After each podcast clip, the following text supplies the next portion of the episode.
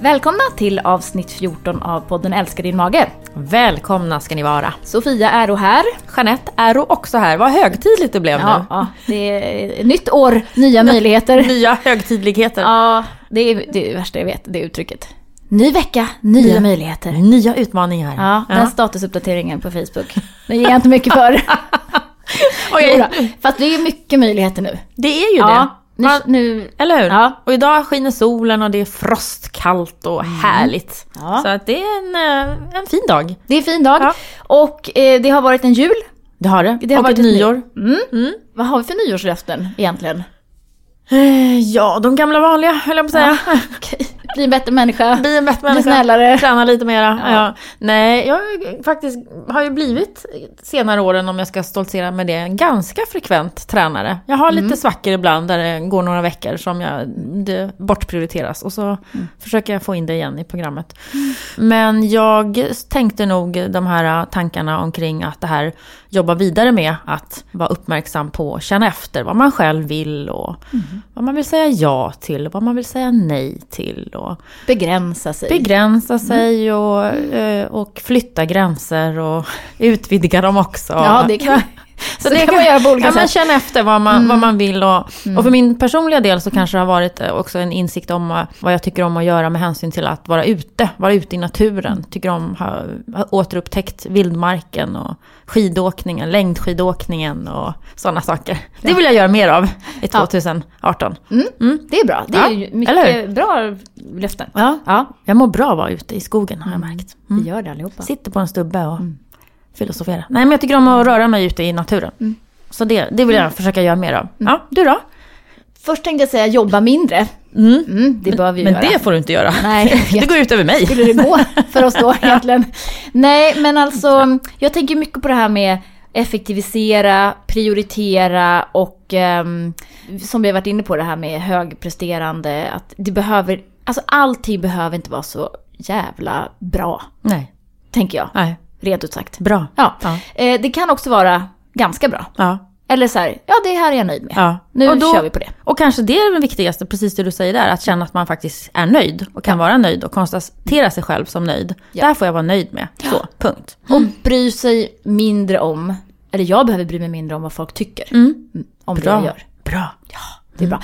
Eh, lite så här self-compassionate. Ja. Ja, och det är ju hur man liksom, för det är också en del i det här, hur man pratar till sig själv. Mm. Att vara snäll mot sig själv och säga bra gjort, klappa sig på axeln. Fasen det där var ju jättebra. Istället för bara att rusa vidare mot nästa grej. Och så, så fort det är något litet som inte går ens väg eller som man kunde ha gjort bättre så, vi liksom talar ganska taskigt till oss själva, många gånger. Många gör det. Ja, mm, det är jättebra och, tankar att tänka på. Och det tror jag, just det här också man sätter i relation också till magen.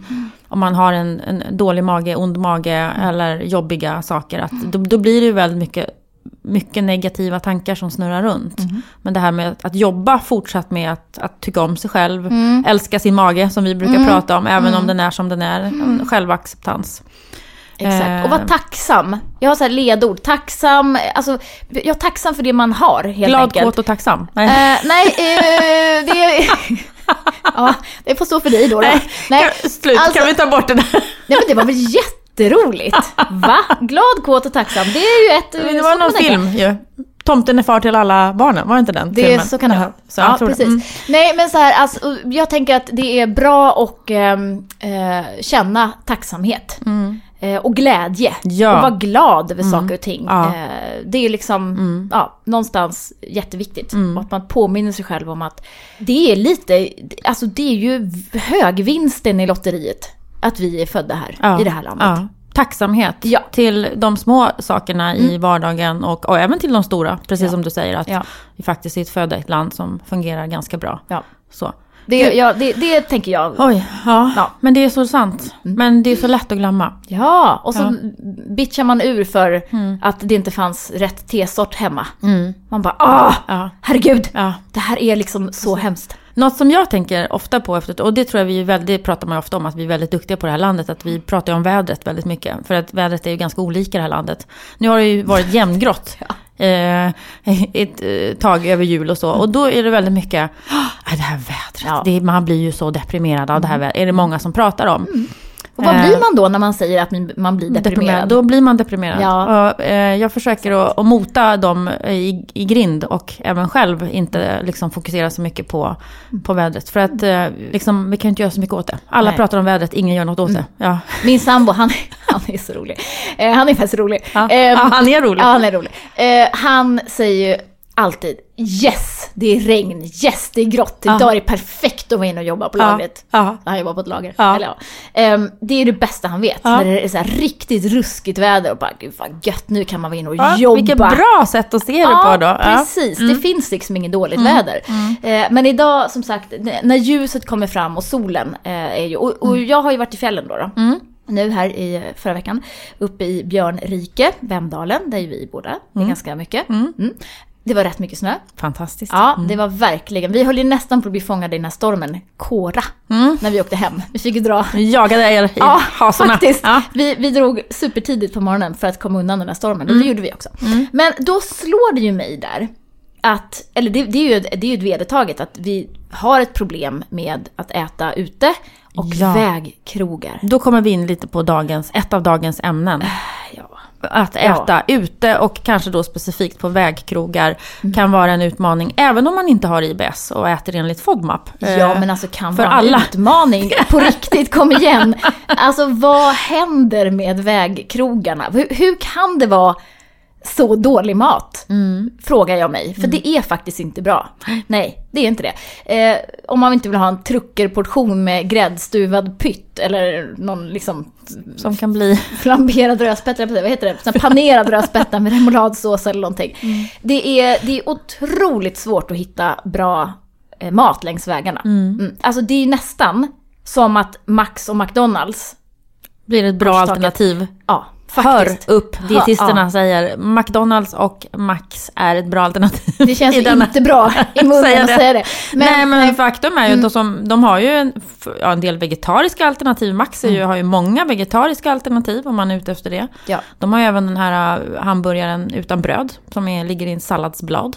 just det. Och man får, ja, Max har väl också lite med att man får säga till och från utan lök, utan sås. Men det kanske McDonalds också har, jag är inte så inne Ja men det tror jag nog att Ja. man kan på båda. Men, men Max är ju bra, de har ju svenskt kött för det Mm. första och sen har de ett otroligt stort vegoutbud. Ja. Ehm, Jag har ätit ganska mycket vegorätter där och jag tycker de är superbra. Mm. Eh, Och likadant som du säger, den här hamburgaren utan bröd. Om Mm. man nu känner att man vill äta kött så är det ett bra alternativ. Halloumi-sallad åt jag nu senast. Mm. Jättetrevlig.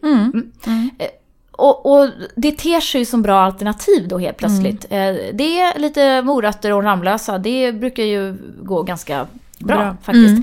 Men jag tycker ju ändå att det är bedrövligt hur, hur dålig kvalitet det är. På, Fortfarande. ja, det är Mm. faktiskt det. Men det är väl också det här med, som vi har pratat lite om, det här med vad är det som efterfrågas? Många vill ha billig mat, eller vi är ju så allihop. Alltså vi, man vill ju inte helst betala för mycket och då blir ju kvaliteten därefter. Man kanske inte har råd att betala för mycket heller, men, men eh, det är väl lite det där också, att det är väl någon så här vana att det som billigt och snabbt efterfrågas, halvfabrikat, det är liksom det som, som går.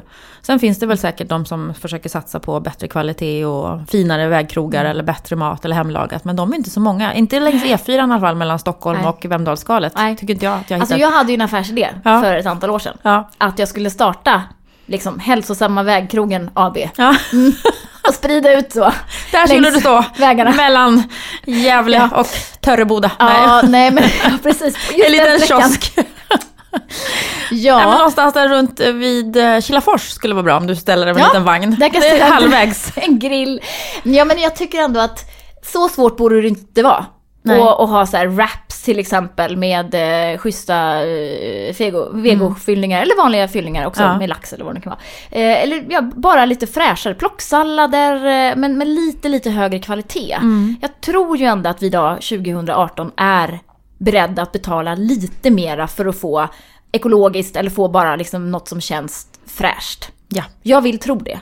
Men sen visade det sig att det var rätt dyrt att köpa upp mark längs de här Ja, okej. vägarna. Jag skrotar den Du idén. skrotade den idén. Ja, Ja, men bra.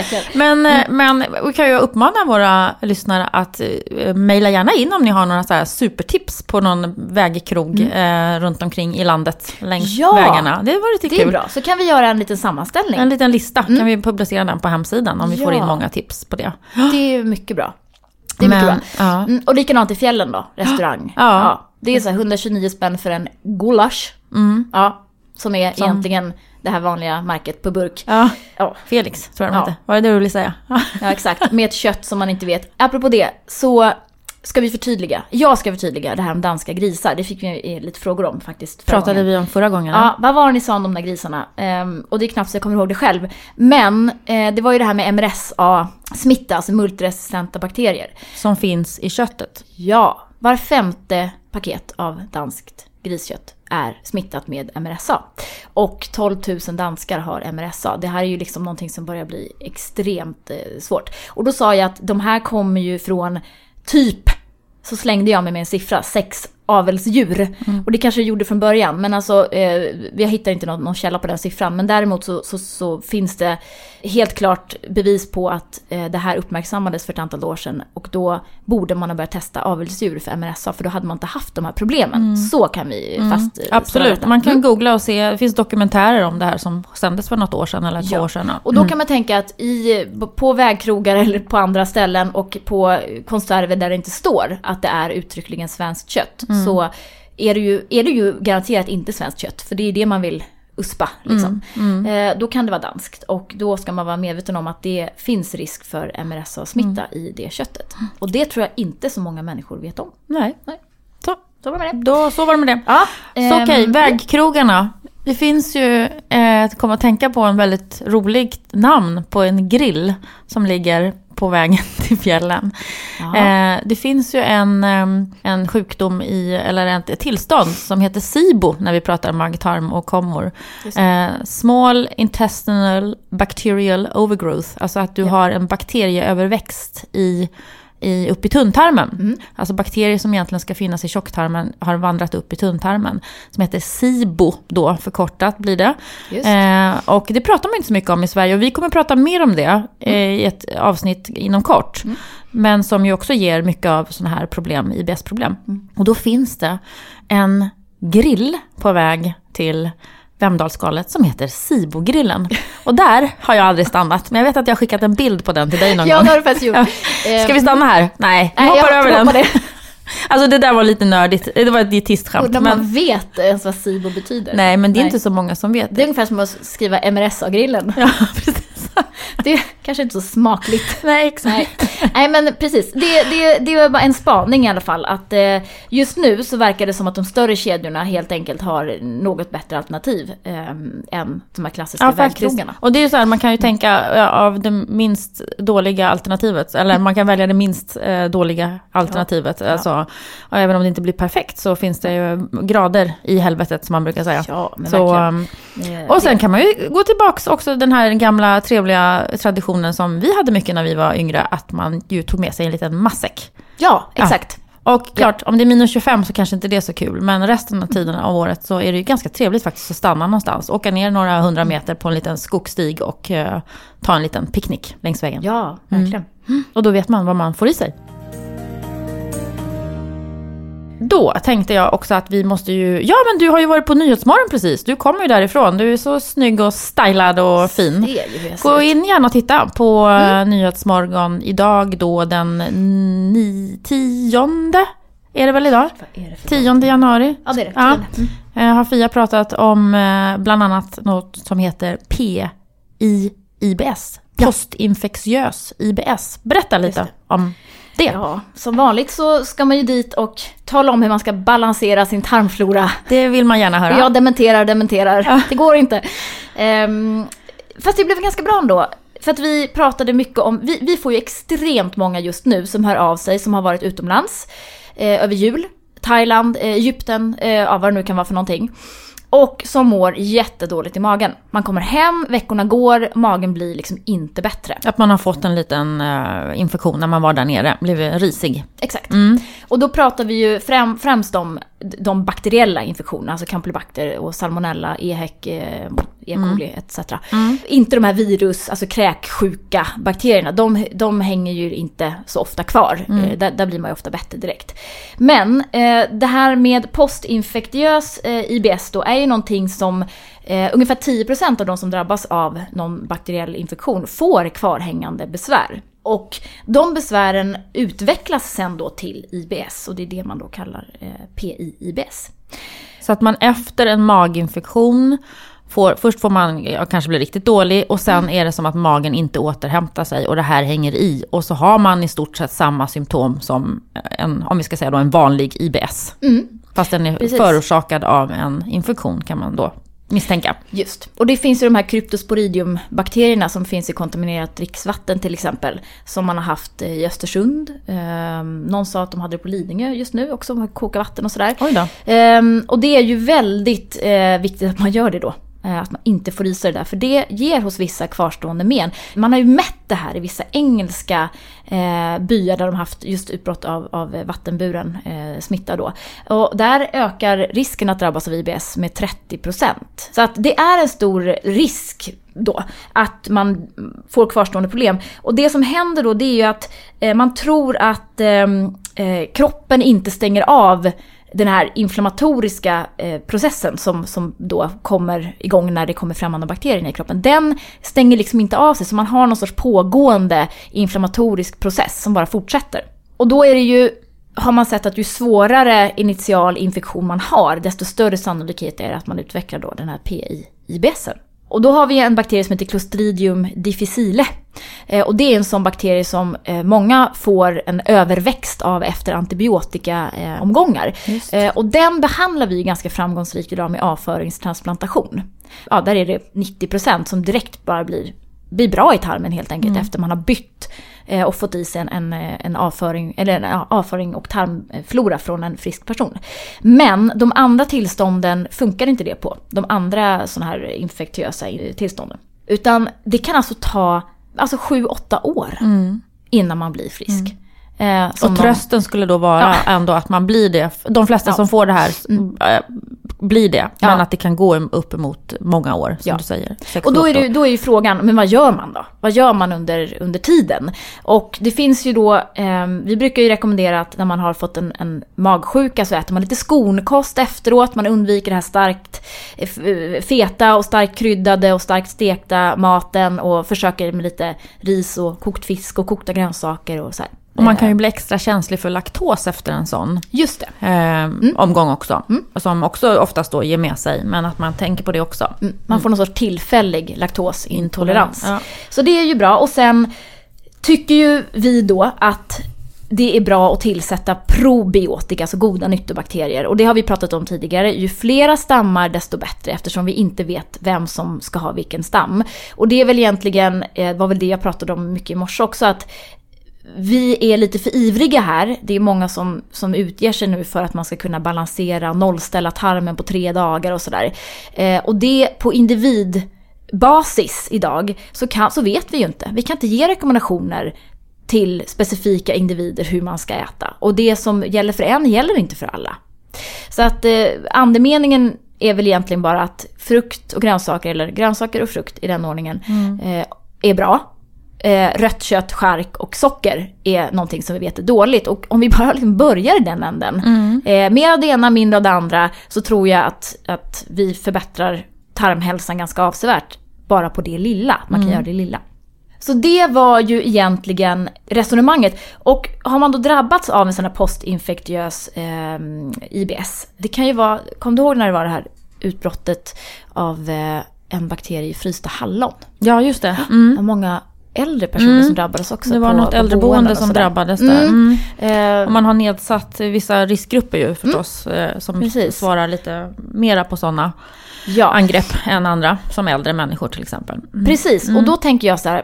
jag har haft ett par patienter i alla fall som har eh, drabbats av just de här hallonen. Där hela familjen har ätit samma hallon. Mm. Och det är lite intressant att se vad händer hos olika individer. Mm. En blir jättesjuk men blir ganska snabbt frisk. Någon annan blir inte så sjuk men får jätte jättejobbiga, liksom långvariga eh, symptom. Och någon, en tredje får liksom ingen, blir lite dålig i magen en dag och sen är det över. Mm. Alltså det är otroligt olika hur man, och det här är, jag var på, i Thailand en gång. Mm. Med min eh, exman eh, och eh, eh, min pappa och min dåvarande svärmor och jag. Och så åt vi, vad heter sådana här små friterade räk, räkor. Räkor? Mm. Ja. Okej, de var ju uppenbarligen inte så bra de Nej. räkorna då, då. Och det här var ju så De var inte intressant. tillräckligt friterade kanske. Nej, Nej. precis. Eh, och jag, vi antar att vi åt ungefär lika många varor Ja. sådär. Alltså, vi, vi såg ju liksom i rangordning så här, ja, svärmor, hon var liksom, ah, hon var ganska opåverkad. Så här, ja, jag låg på stranden. Eh, jag var, ja, jag hade ont i magen, var lite dålig så här. Ja, Min exman han var liksom, han var ganska dålig. Min pappa, Ja. alltså han var så dålig. Och han är typisk en sån här, han kan titta på en kräfta. Ja. Och sen är det liksom bara att måste han springa på toa. Så det är verkligen grader och då tänker jag det här måste ju ha att göra med vilken tarmflora man då har från början. Mm. Och hur immunförsvaret funkar och som hänger ihop med tarmfloran och allt det här. Mm. Exakt. Så att det tycker jag är intressant. Ehm, och behandlingen för det här då? Har man en PI-IBS, då behandlar Ja. vi den som en vanlig IBS.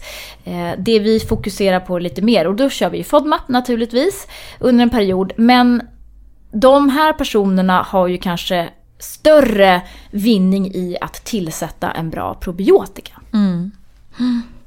Så tänker jag i alla fall. tänker att man kör FODMAP för att liksom ändå hitta vad som är då de jobbigaste livsmedlen så att man kan eh, försöka eh, minska på dem. Mm. Och sen att man tillsätter probiotika, testar något preparat ett par månader Mm. och ser om man tycker att det, det brukar vi säga, ett par par månader och så utvärdera. Ja, Mm. det är bra. Och man kan ju få testa olika preparat här också. Ja, Man precis. kan behöva byta Mm. och sådär. Mm. Eh, Ja, för grejen är det, det finns ju liksom inte riktigt, det finns ju ingen medicin här. Det finns ju inte något annat som man kan rekommendera i de här, utan det är ju FODMAP då som ändå visar sig hjälpa många, även de med PI, IBS. Mm. Men att man där kanske ska vara extra tänka på det här med probiotikan då, hur kan man jobba med den? Ja.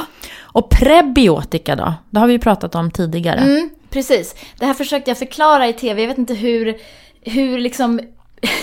hur det Hur lyckat det blev. riktigt.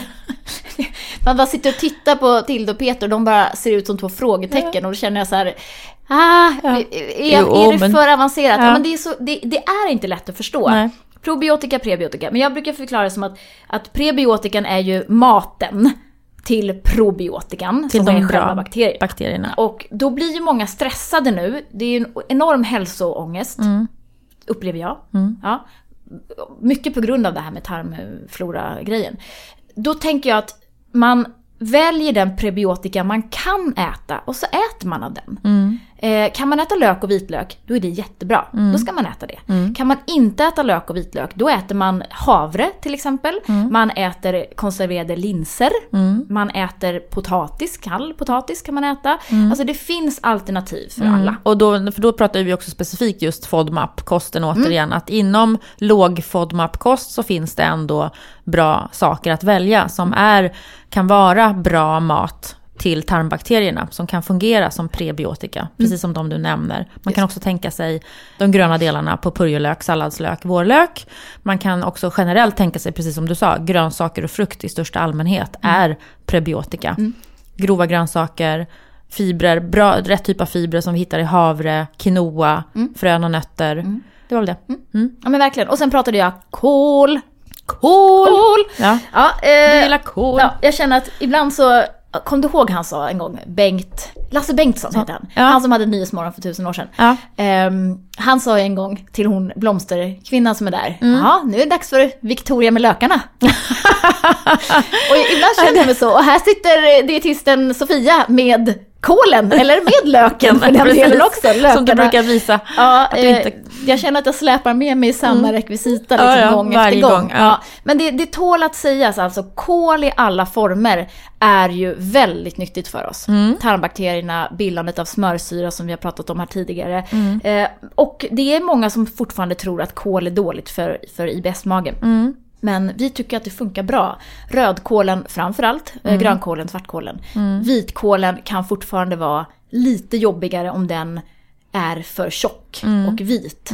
Då kan man välja de tunnare bladen. Mm. Alltså de här lite mer sommarkålen. Det kanske inte finns så mycket av den, eh, spetskål, sommarkål. Det finns inte så mycket av den just nu på vintern. Men, men att man, och liksom andemeningen kanske också att man inte är så rädd att, att prova kål, i alla fall att testa om man kanske tål lite Ja. fint riven rödkål eller grönkålen som vi tjatar om som är helt fantastisk. Eller lite, eh, vad har vi mer i kål? Ja, broccolin, Broccolin, är ju en, en sån precis. Mm. kålsort. Och brysselkål faktiskt också. Den här, de här frysta varianterna, för de är ändå lite förvällda. Mm. Eh, och då kokar man ju ur fibrerna till viss del. Så de tycker jag också brukar gå Funka. eh, jättebra. Mm. Så att man vågar prova lite av det. Exakt, och Ja. det är inte mängden här som är viktig, utan det är att man äter den. Mm. Så hellre äta liksom två brysselkål eller en liten hög med rödkål eller en, ett broccoli, Mm. Ja. broccolibukett. Än att eh, tänka att jag måste äta jättemycket på en gång. Och, där sa du någonting som är så himla viktigt och bra, som jag vill slå ett slag för och stryka under. Det är så ofta att jag möter på det här när man då inser att det här, "Åh, nu ska jag prova det här, eller det här funkar, om man har läst i FODMAP eller någonting sånt, att det här funkar. Och så provar man det, och så äter man jättemycket av det. Och då blir det sällan bra. Alltså även om det är saker som ska funka. Om vi tar dinkelbröd till exempel. Om man provar det för första gången och att inte har ätit eh, dinkel då, och dinkel är grönt, eh, siktat dinkelmjöl är grönmarkerat i FODMAP.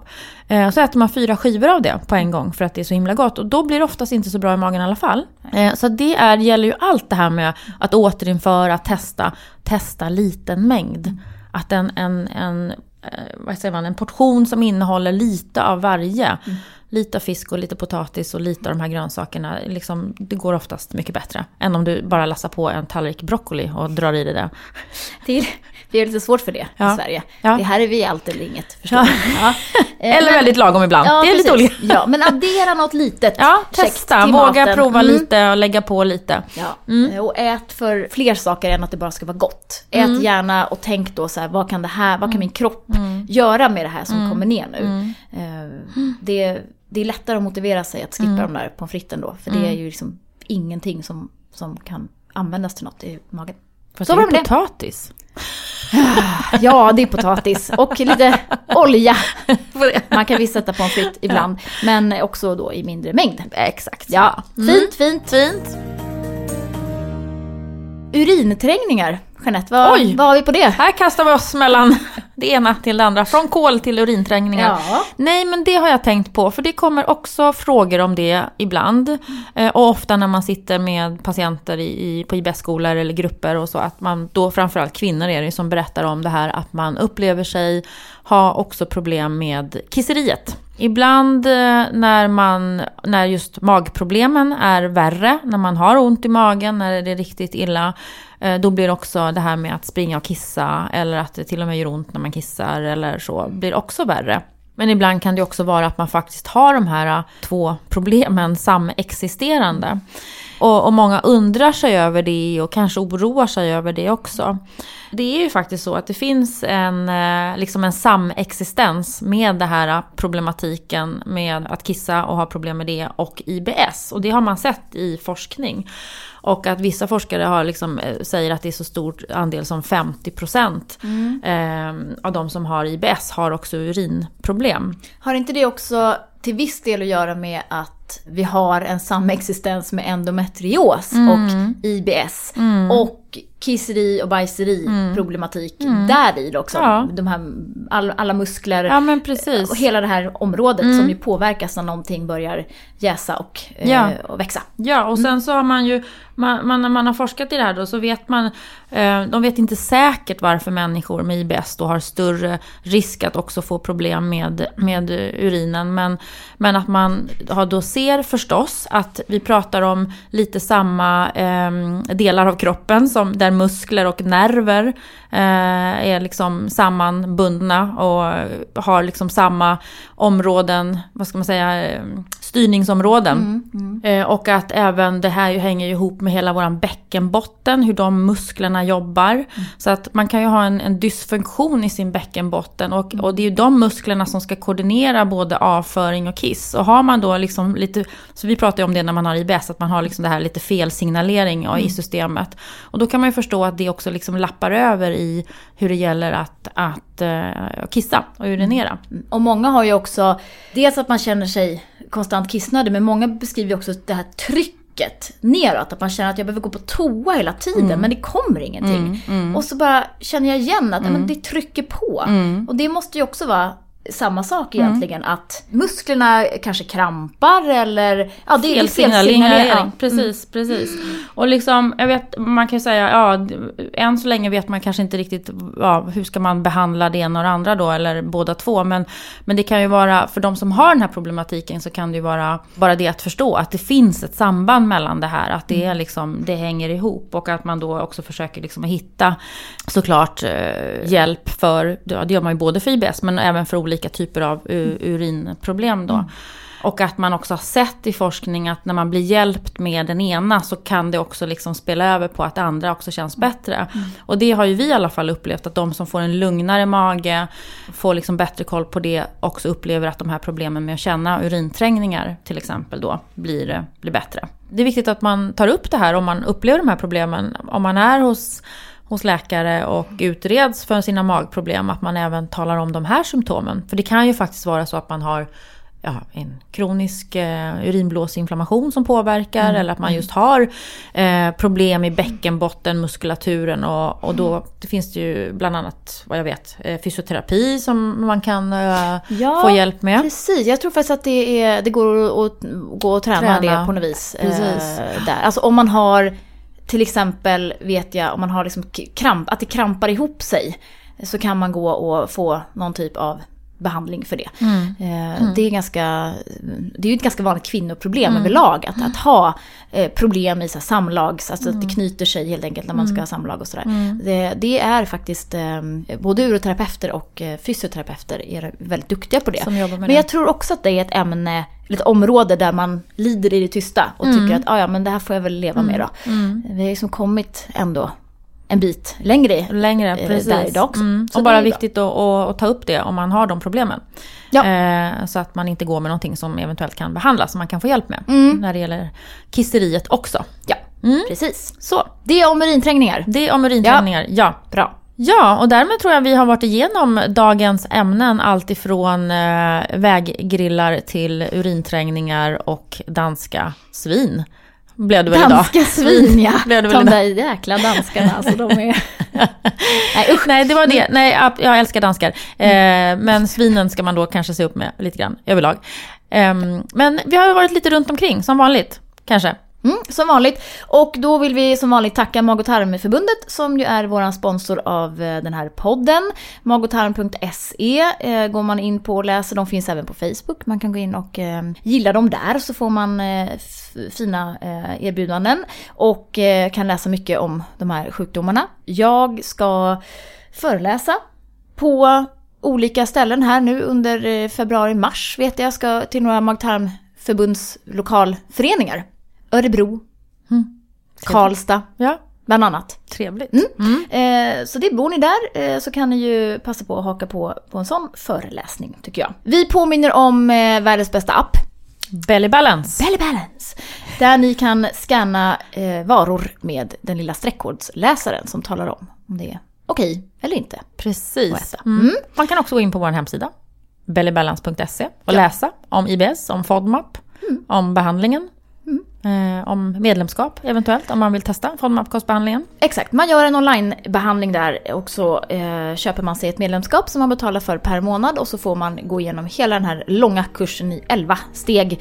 Och där till följer en del andra kurser. Hormoner bland annat. Mm. Yoga. Mm. Yoga. Mm. mm precis. Ja. Det är vår varmaste rekommendation. Ja. ja. Tack för idag och eh, ha det gott där ute. Tackar, tackar. hej. hej.